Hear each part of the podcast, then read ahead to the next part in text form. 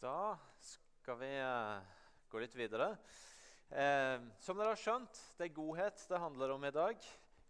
Godhet 2012 ligger foran. Jeg gleder meg. Vi er mange som gleder oss. Jeg kan si for min egen del at eh, etter fem år som deltaker på Godhetsaksjonen, eller festivalen, så har jeg fra hvert år kan jeg hente fram minner om noe det har gjort med meg, eller noe jeg har sett at det har gjort med andre. Eh, hvert år så er det en helt spesiell opplevelse å få være med på denne uka. Og det den gjør med folk i denne byen og regionen, og det den gjør med oss. Så jeg gleder meg.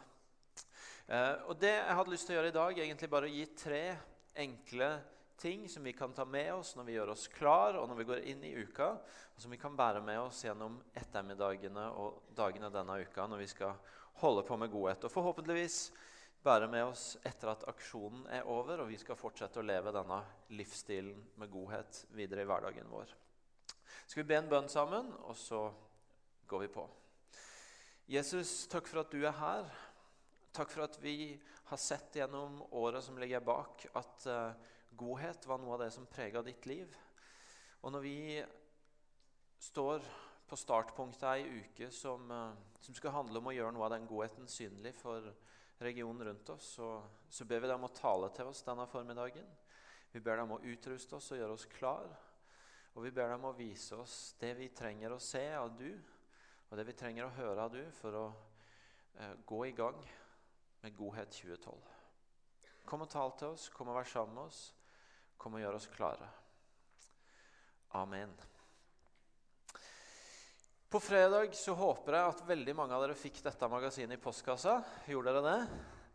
Ja, veldig bra. Skulle dere ikke ha mottatt det, så ligger det altså masse eh, eksemplarer ute som dere kan plukke med dere etterpå. Har dere lyst til å ta med og gi til noen eller bruke på jobbene deres eller andre steder, så dere er velkomne til å ta med og bruke dette magasinet.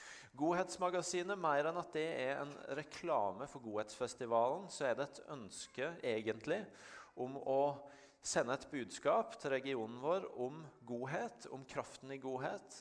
Starte en samtale om hva godhet kan bety, og være en sånn kulturbygger som strekker seg forbi denne uka, men en samtale om og en kulturbygger for at, at vi kan være godhetsbyen og godhetsregionen.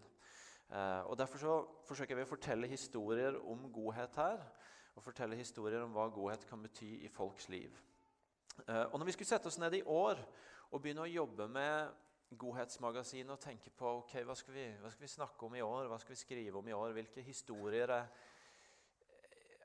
er det lurt å fortelle, eller bør vi undersøke om finnes der, så havna etter hvert tankene våre på eh, hvordan landet vårt har vært prega det siste nå snart nesten et år av det som skjedde 22.07. i fjor. Eh, hvordan det prega oss veldig i tida rett etter 22.07. med både det som skjedde i regjeringskvartalet og det som skjedde på Utøya. Alle menneskene som var berørt av det. Eh, og hvordan det nå etter påske har kommet opp igjen med rettssaken som pågår. Og senest de siste ukene mange pårørende som har måttet gjenoppleve ting ved å høre obduksjonsrapporter og høre hvordan ting egentlig skjedde.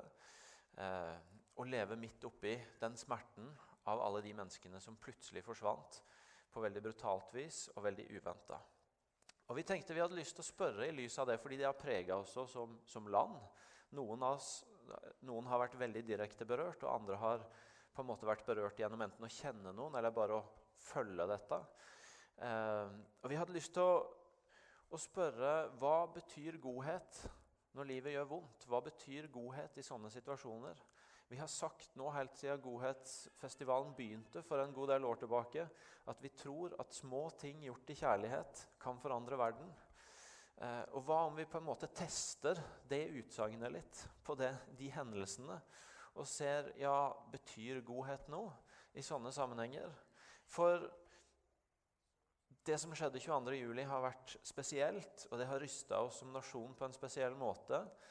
Samtidig så opplever jeg mennesker rundt oss ting som ryster deres liv på samme måte hele veien. Mennesker dør uventa, mennesker blir alvorlig syke, familier går i oppløsning. Og vi kan fortsette å fortelle der skjer ting som for de det gjelder, selv om det ikke står like mye om avisa om det, selv om det ikke blir en sånn like stor kollektiv opplevelse, så blir det for de det gjelder, en like stor rystelse. Og Vi tenkte det kan være relevant å spørre ja, hva betyr godhet i sånne situasjoner. Så vi fikk lov til å møte raust av de, syns jeg, som antagelig har opplevd både pågang fra media, måtte gå gjennom masse, men vi fikk møte bror til ei av de som døde på Utøya. En som heter Espen. Eh, og Marianne, søstera hans, var fra Hundvåg her i byen. Eh, rett og slett for å stille spørsmålet har, har dere møtt godhet. Har godhet betydd noe for dere? Eh, si noe om det. Og Jeg hadde bare lyst til å lese noe av det han sier også, for, for oss nå. Og så kan dere gå hjem og lese hele historien hvis dere ikke allerede har gjort det. Men i artikkelen, intervjuet med Espen og hans kone, så, så, så heter, sier han helt tidlig at godhet i form av praktisk kjærlighet og konkrete handlinger har betydd langt mer enn folk som har sagt at de er tilgjengelige, sier Espen Sandvik. Etter 22.07 har familien Sandvik opplevd godhet fra de store massene og fra enkeltmennesker. Og Når han litt seinere i artikkelen skal fortelle litt mer sånn konkret om hva dette handler om, så, så står det bl.a. i denne artikkelen Når Espen skal sette ord på hva enkeltmennesker har betydd for familien i sorgprosessen, så er det den praktiske kjærligheten han trekker fram. Naboer som lagde middag og støvsugde huset. Enkeltpersoner har stilt opp når vi ikke har klart å sette ord på hva vi trenger, trenger hjelp til. Mange har sagt at de gjerne vil hjelpe og gjør hva som helst for oss. Vi må bare si ifra. Men på mange måter blir det litt tomme ord fordi vi ikke orker å si ifra. Det har vært viktigere med de som bare har gjort noe, sier Espen. Huset til familien på Hundvåg ble raskt fullt av blomster. Og Espen og Miriam forteller at de fikk svært mange kort, meldinger og telefoner fra folk som ville vise omsorg i den tunge tiden. Folk ga også penger til AUF eller ulike bistandsprosjekt. Vi har vært gjennom en tragedie, og det er vi preget av. Og i denne perioden har vi vært helt avhengige av den godheten vi har fått og mottatt. Den har vært livsviktig. Altså Han sier på den ene sida at noe av det viktigste de har opplevd, er mennesker som bare helt praktisk har gjort noe for dem. Og så sier han altså at i denne perioden har vi vært helt avhengige av den godheten vi har fått og mottatt. Den har vært livsviktig. Den har betydd så mye. Ja, Små ting gjort i kjærlighet er ikke bare en sånn fin hverdagsgodhet når livet ellers går tålelig greit, men du får det som en bonus. Men han sier noe om at når livet ble virkelig tøft, så var den livsviktig, denne praktiske kjærligheten. Små ting gjort i kjærlighet ble livsviktig for dem. Og Det er noe av den samme historien som fortelles litt seinere i Godhetsmagasinet, når vi, når vi skulle teste ut dette med at jo, dette rammer jo også mennesker rundt oss hele tida. Så vi møtte en ung familie som midt i det de skulle bli foreldre for første gang, opplevde at mor også får konstatert en stor svulst, en kreftsvulst, i hodet. Eh, og Dere kan lese hele historien og eksemplene. De forteller mye om også den godheten de har mottatt. Men jeg hadde bare lyst til å nå lese noe av det de sjøl sier om hvordan de opplevde det. Solveig, som denne mora som ble konstatert syk, sier bl.a.: Folk har tort å prøve seg i stedet for å være redd for å tråkke feil. Det har vært utrolig godt for oss, sier hun. Og litt seinere For det, det, er en historie som bl.a. handler om at noen har samla inn mange penger til dem. Så sier hun det handler ikke så mye om pengene, men at man opplever seg sett når livet er vanskelig. Fra nære venner til folk vi knapt kjenner. Folk har skjønt at vi har det tøft, og det er stort for meg, sier Solveig. Det er så flott at mennesker ønsker å gå så dypt inn i vår historie. Jeg føler de bærer oss med seg. Det har vært godt for oss som føler at hele verden raser sammen. Dette gir oss også et helt nytt utgangspunkt for strålingen som forhåpentligvis kommer i sommer. Igjen en historie om at det at folk bare involverte seg, ville gå med de, viste de det på praktiske ting som å stille opp med middager og fortelles om at én tok jobben med å være nyhetsformidler til alle mennesker rundt om hva som skjedde. Det betydde en stor forskjell. Og Det er bare det første jeg hadde lyst til at vi skulle stoppe opp ved i dag. når vi gjør oss klar til denne uka, Det er denne bekreftelsen på at vet du noe, små ting gjort i kjærlighet forandrer. Det betyr en forskjell. Og vi kan gå med frimodighet og ikke gå og tenke på Gjør det så mye forskjell fra eller til om jeg setter av noen ettermiddager denne uka til å, eh, til, til, å renske noen hager, eller til å male noen hus, eller til å vaske noen biler? Ja, enten vi nå møter mennesker som livet er tålelig greit, og, eh, og det blir en sånn bonusgreie, eller vi kommer inn i noen av de situasjonene hvor livet virkelig er tøft, og hvor dette blir det uttrykket for at vet du noe, jeg er ikke alene i det, så, så, forteller de historiene og mange andre historier vi vet, at vet du noe, det kan bety en kjempestor forskjell. Det er verdt å sette av disse ettermiddagene. Og det er verdt å bli værende i det livet når denne uka er over. For det betyr en forskjell. Historiene forteller det. Disse forteller det. Andre historier vi har hørt, forteller det. Vi kan gå inn i denne uka med en visshet om at det vi får være med på, det betyr en forskjell i folks liv. Små ting gjort i kjærlighet kan forandre, og vi kan være med på det. Og Det gleder jeg meg til, og det håper jeg at vi skal gå frimodig med i uka som ligger foran. Det andre jeg hadde lyst til å si noe om i dag, det er at mitt eget vitnesbyrd om å komme til denne kirka og få være en del både av godhetsaksjonen og av fokuset på godhet gjennom resten av året, det har forandra mitt liv. Jeg har vært her i fem og et halvt år nå. Det er sånn, det begynner å føles litt lenge. Det er ikke kjempelenge for de av dere som har vært her i 20, men det er i hvert fall lenger enn ett. Eh, og jeg kan si at det har gjort noe med livet mitt. Mitt liv ser annerledes ut. Jeg tar meg sjøl i å gjøre andre ting nå som jeg ikke gjorde for fem og et halvt år siden. Ikke fordi at jeg før jeg kom hit, ikke hadde lyst til å vise godhet til folk, men mer fordi jeg kom ikke på det. Men det å, det å få være med på disse ukene, det å få være sammen med dere bl.a. og høre historien om hvordan dere lever i godhet gjennom resten av året, det har åpna øynene mine for en måte å leve livet på som jeg bare ikke kom på før. Som jeg ikke var helt oppmerksom på før. Men som nå, nå kommer jeg oftere på det. Fordi jeg har fått vært sammen med dere og andre i å trene meg i det. I å øve meg i å oppdage Oi, der var det en mulighet. Der var det en mulighet til å velsigne et menneske. Der kan jeg bruke pengene mine, der kan jeg bruke tida mi. Der kan jeg spørre om skal jeg være med og hjelpe. Martin, som sitter her og som tok initiativet til Godhetsfestivalen, han snakker ofte om at godhet ja, det begynner veldig ofte med at vi venner oss til sånne ting som å ta én kaffe istedenfor to, sånn at vi kan gi den ene til noen. Eller ta to epler istedenfor ett, sånn at vi kan gi det eplet til noen. At, de der, at, vi venner oss til å ha det der blikket for at her kan jeg velsigne, her kan jeg gi noe til noen. Her kan jeg være med og bety en forskjell på små eller store vis. Og jeg syns det er fantastisk jeg, å se noe av den kreativiteten som dukker opp når vi, når vi trener hverandre i å leve det livet.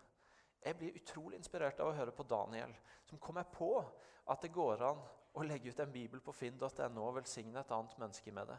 Og Nå skal ikke jeg ta, si at Imi og Akta skal ha hele æren for at Daniel gjorde det, for jeg vet at han var en super fyr før han kom hit òg. Men jeg vet at eh, det er mange av oss som har kommet på noen sånne ting som vi kanskje ikke kom på før, fordi vi har fått være sammen med hverandre og trene hverandre i å gjøre det. Denne godhetsaksjonen så er det en ny ting som ikke har vært med på godhet før, men som kommer i år. Og det er at Tone og, Tone og Merete, ja.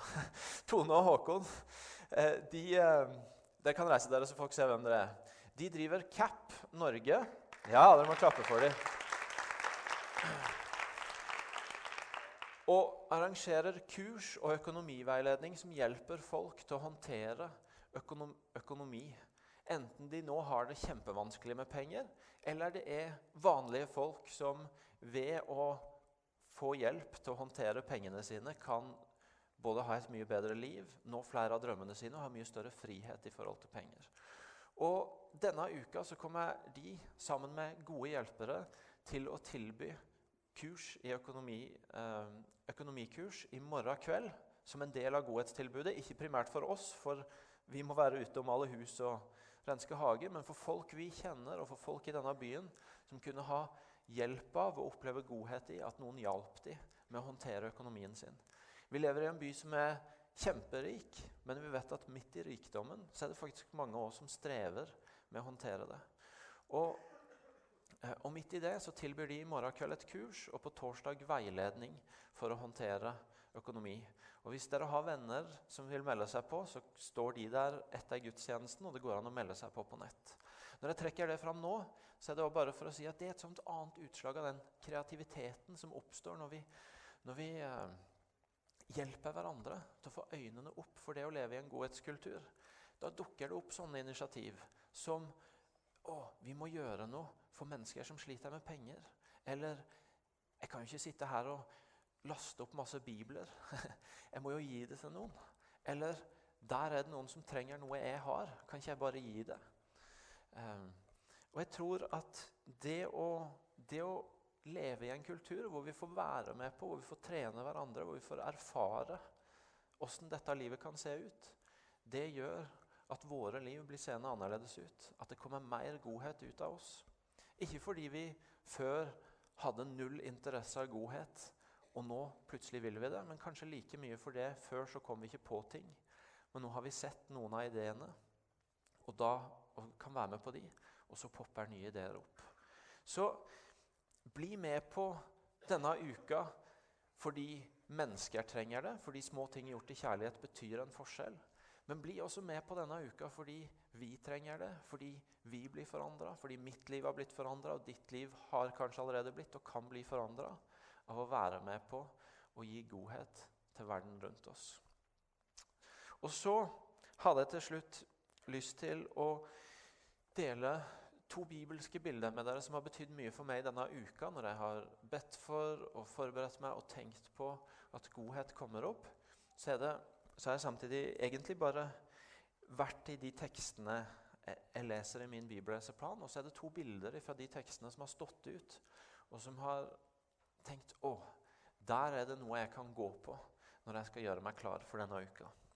Vi skal inn i Markusevangeliet og faktisk inn i historien om den siste tida av Jesu liv, veien mot korset.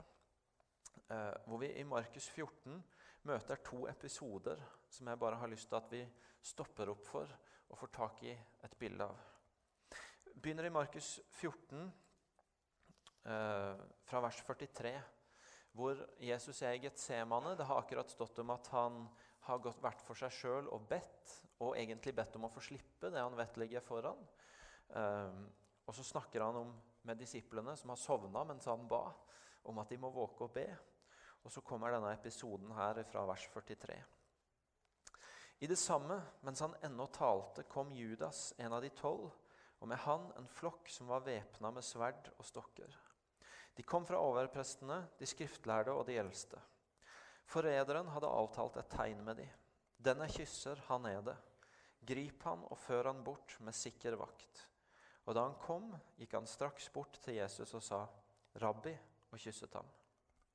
Så la de hånd på han og tok han til fange. En av dem som sto der, dro da sverdet og hogg etter øversteprestens tjener og kuttet av ham øret. Men Jesus sa til dem, 'Dere har rykket ut med sverd og stokker for å gripe meg, som om jeg var en ransmann.'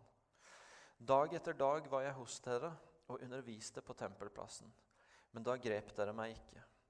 Men slik skulle Skriftene oppfylles. Da forlot alle ham og flyktet. En ung mann var i følge med Jesus. Han hadde bare et linklede om seg. De grep han, men han slapp linkledet og flykta naken bort. Jesus er i en situasjon hvor han virkelig begynner å bli pressa. Han har lenge holdt på oppe i Galilea, og, og, og, det har begynt å bli økende oppmerksomhet rundt det han gjør, og hvem han er. Og, det har vært sendt folk fra myndighetene i Jerusalem og fra de religiøse lederne for å, for å spørre han ut og for å sette han på prøve og for å undersøke litt hvem er denne karen. Men han har på en måte samtidig fått operere litt på en armlengdes avstand. Og nå har han gått inn i Jerusalem. Han har gått inn på en måte i, i maktens senter. Inn på det stedet hvor menneskene som frykter han, og som står han imot, og som, som er redde for agendaen hans, er. Og hvor de er på hjemmebane, og hvor de sitter med makta. Og hvor de har mulighet til etter hvert å gjøre det de ønsker å gjøre. Eh, presset på han øker. Intensiteten i at det foregår en kamp her hvor Jesus er der med et oppdrag, og hvor det er mennesker som ikke liker det, og som står imot det. Den intensiteten begynner å øke. Og Jesus er klar over hva som er veien hans. Han er klar over hvor dette bærer. Eh, og han har nettopp til og med bedt om å få slippe det hvis han kan. Men, men samtidig sagt hvis det er din vilje, far, så skal jeg gjøre det.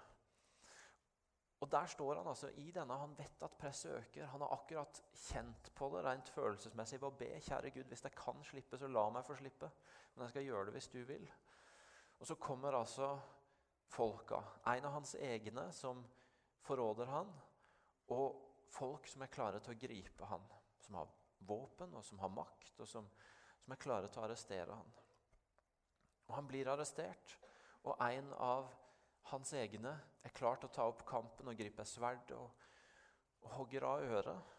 Og Jesus bare stopper opp og helbreder han og eh, gjør øret friskt og sier nei, nei, stopp, ikke gjør sånn. Jeg syns bare det er utrolig interessant, for det, det, er et eller annet med hva er det som tyter ut av oss når vi er under press? Hva er det som tyter ut av oss når, når vi virkelig får på en måte trøkket mot oss? Én ting er hva som kommer ut av oss når vi har hele overskuddet, når vi har kontroll på situasjonen, når vi kan velge sjøl. Hva ønsker vi å gjøre nå? Men hva skjer med oss når nå er på en måte alt presset mot oss? Nå, nå er det trykk fra alle kanter, og, og, vi frykter det som venter. Og hva skjer da?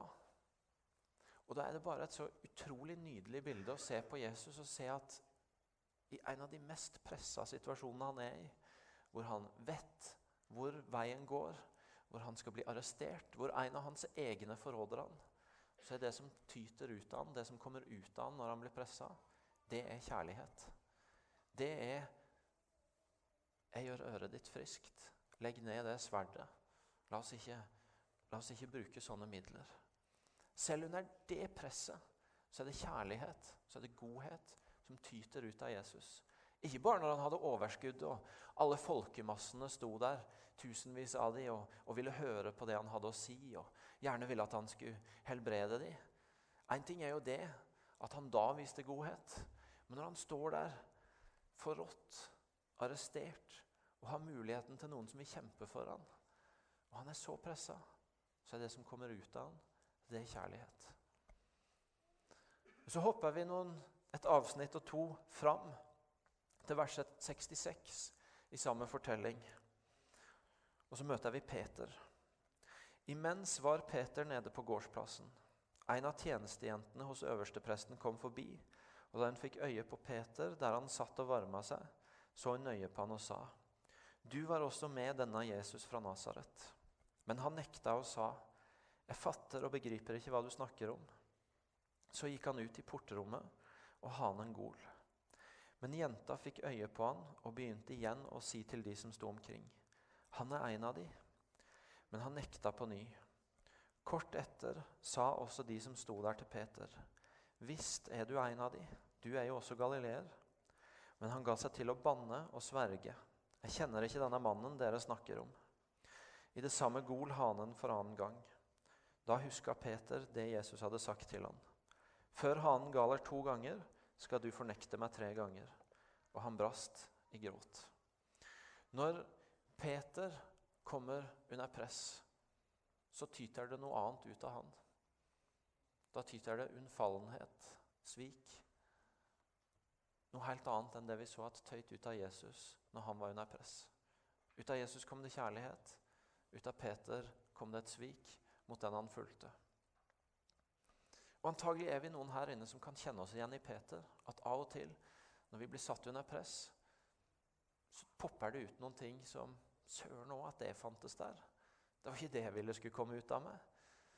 Um, plutselig så kommer det noe som Hvor kom det fra? Når jeg får velge sjøl og er på høyden, så er det ikke sånn jeg håndterer det. Men ah, der poppa det ut noen ord, eller litt kroppsspråk, eller en måte å agere på som ah, Det var ikke det jeg ville skulle komme ut.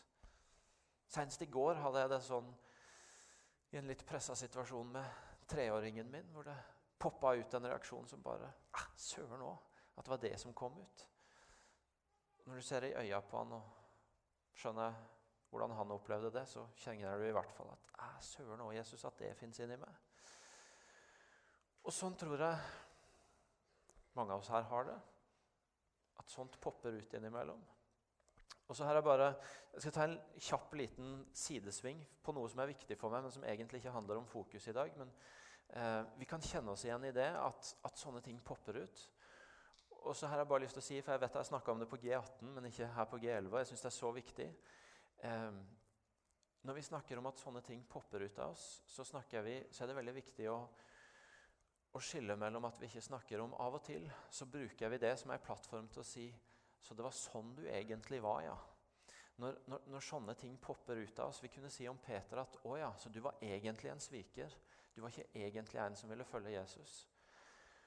Og så er det bare viktig for oss å skille mellom at det Jesus gjør når han møter folk som går på trynet, det er ikke å parkere dem og gi dem identitet i nederlaget. Men han snakker sant om det som er virkeligheten, og så vil han fortsatt holde fram for dem de de er skapt til å være.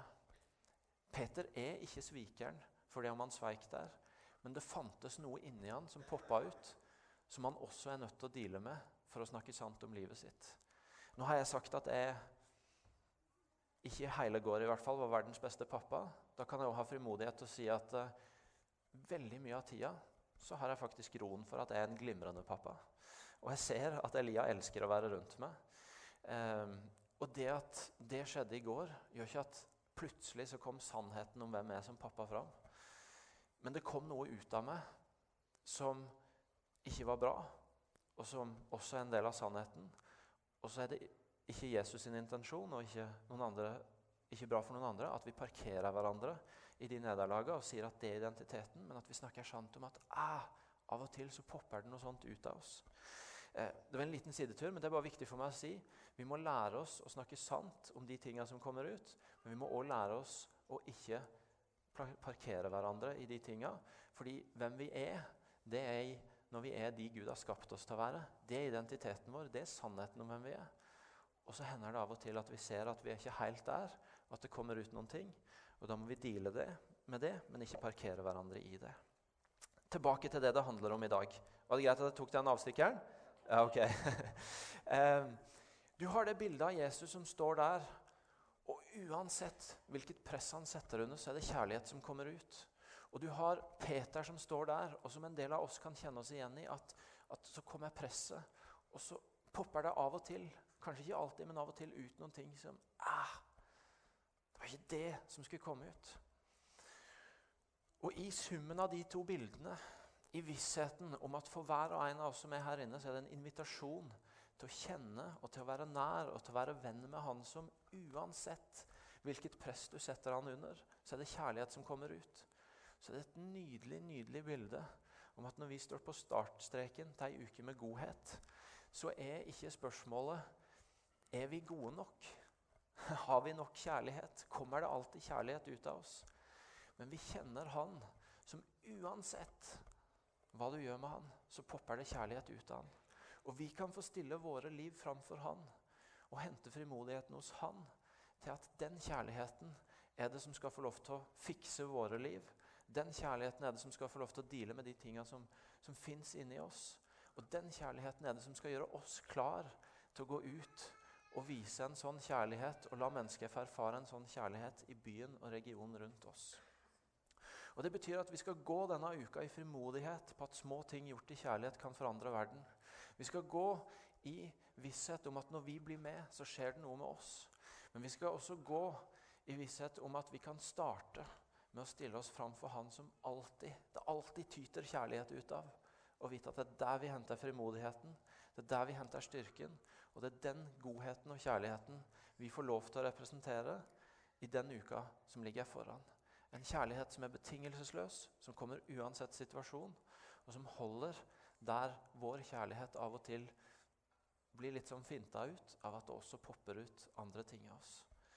Så la oss nå reise oss opp og be sammen om at Jesus skal gjøre oss klar, og at vi skal få møte den kjærligheten. Ja, dere må bare reise dere. Om at vi skal få ta imot den kjærligheten denne formiddagen som et startpunkt for det vi skal være med på. Ikke at vi er gode nok, men at han, uansett hva du gjør med han, gir sin godhet til oss. Og Derfor skal vi gå denne uka og ha frimodighet på å gå. Kjære Jesus, takk for at du aldri lar deg trenge så langt opp i et hjørne at det finnes noe annet enn kjærlighet i det. Og takk for at der våre liv ikke alltid er sånn, så får vi lov til å stille oss framfor deg og ta imot den kjærligheten. Og jeg ber deg om at Når vi gjør oss klar til uka som ligger foran, så skal vi på nytt få, få se og kjenne og smake på og erfare den kjærligheten friskt. Sånn at vi veit at det er i din kjærlighet vi går. Det er med den korsmerka godheten vi går. Det er med den godheten som var villig til å gi sitt liv for oss. Og jeg ber for de av oss som står her i dag og, og syns at, at det måtte være mer enn nok å, å, håndtere i eget liv. Så ber jeg deg om at du skal gi, gi et friskt møte med en kjærlighet som gjør at uansett så kan vi få gå med den kjærligheten du har gitt oss. Kom og møt oss med frisk og ny godhet som gir oss mot og glede og trygghet til å gå i den uka som ligger foran. Mm. Og så ber vi deg om at vi som fellesskap, som kropp, som Kristi legeme, sammen skal få representere den kjærligheten for byen i denne uka og for regionen i denne uka. Jeg ber deg om at byen skal få møte en sånn kompromissløs godhet. Der de har erfart at noen ganger så, så trengte de godhet, og så poppa det ut helt andre ting av omgivelsene. Så skal de denne uka få erfare at det popper ut godhet de ikke engang hadde venta på. Sett oss i stand til å være din kropp, og til å representere din betingelsesløse godhet i denne uka. Det ber vi deg om, far. Amen. Da skal vi få tilbe Gud sammen. Det er forbønn der borte i dag. Eh, vi vil gjerne be for deg, enten noe av det jeg har talt om nå, har berørt livet ditt, eller du har sykdom, smerte i kroppen eh, du vil ha forbønn for, eller det er andre ting. Øystein og gjengen vil lede oss i lovsang.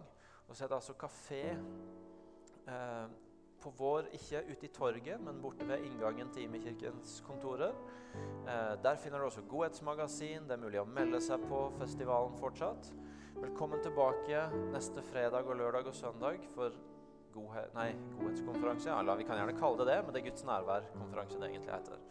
Eh, velkommen tilbake i dag og ha ei velsigna uke. Jeg har lyst til å avslutte felles med å lyse velsignelsen over oss som et utsendelse for den uka som ligger foran. Herren velsigne deg og bevare deg. Herren la sitt ansikt lyse over deg og være deg nådig.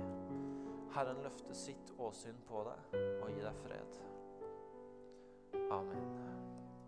Gå i fred og tjen Herren med glede.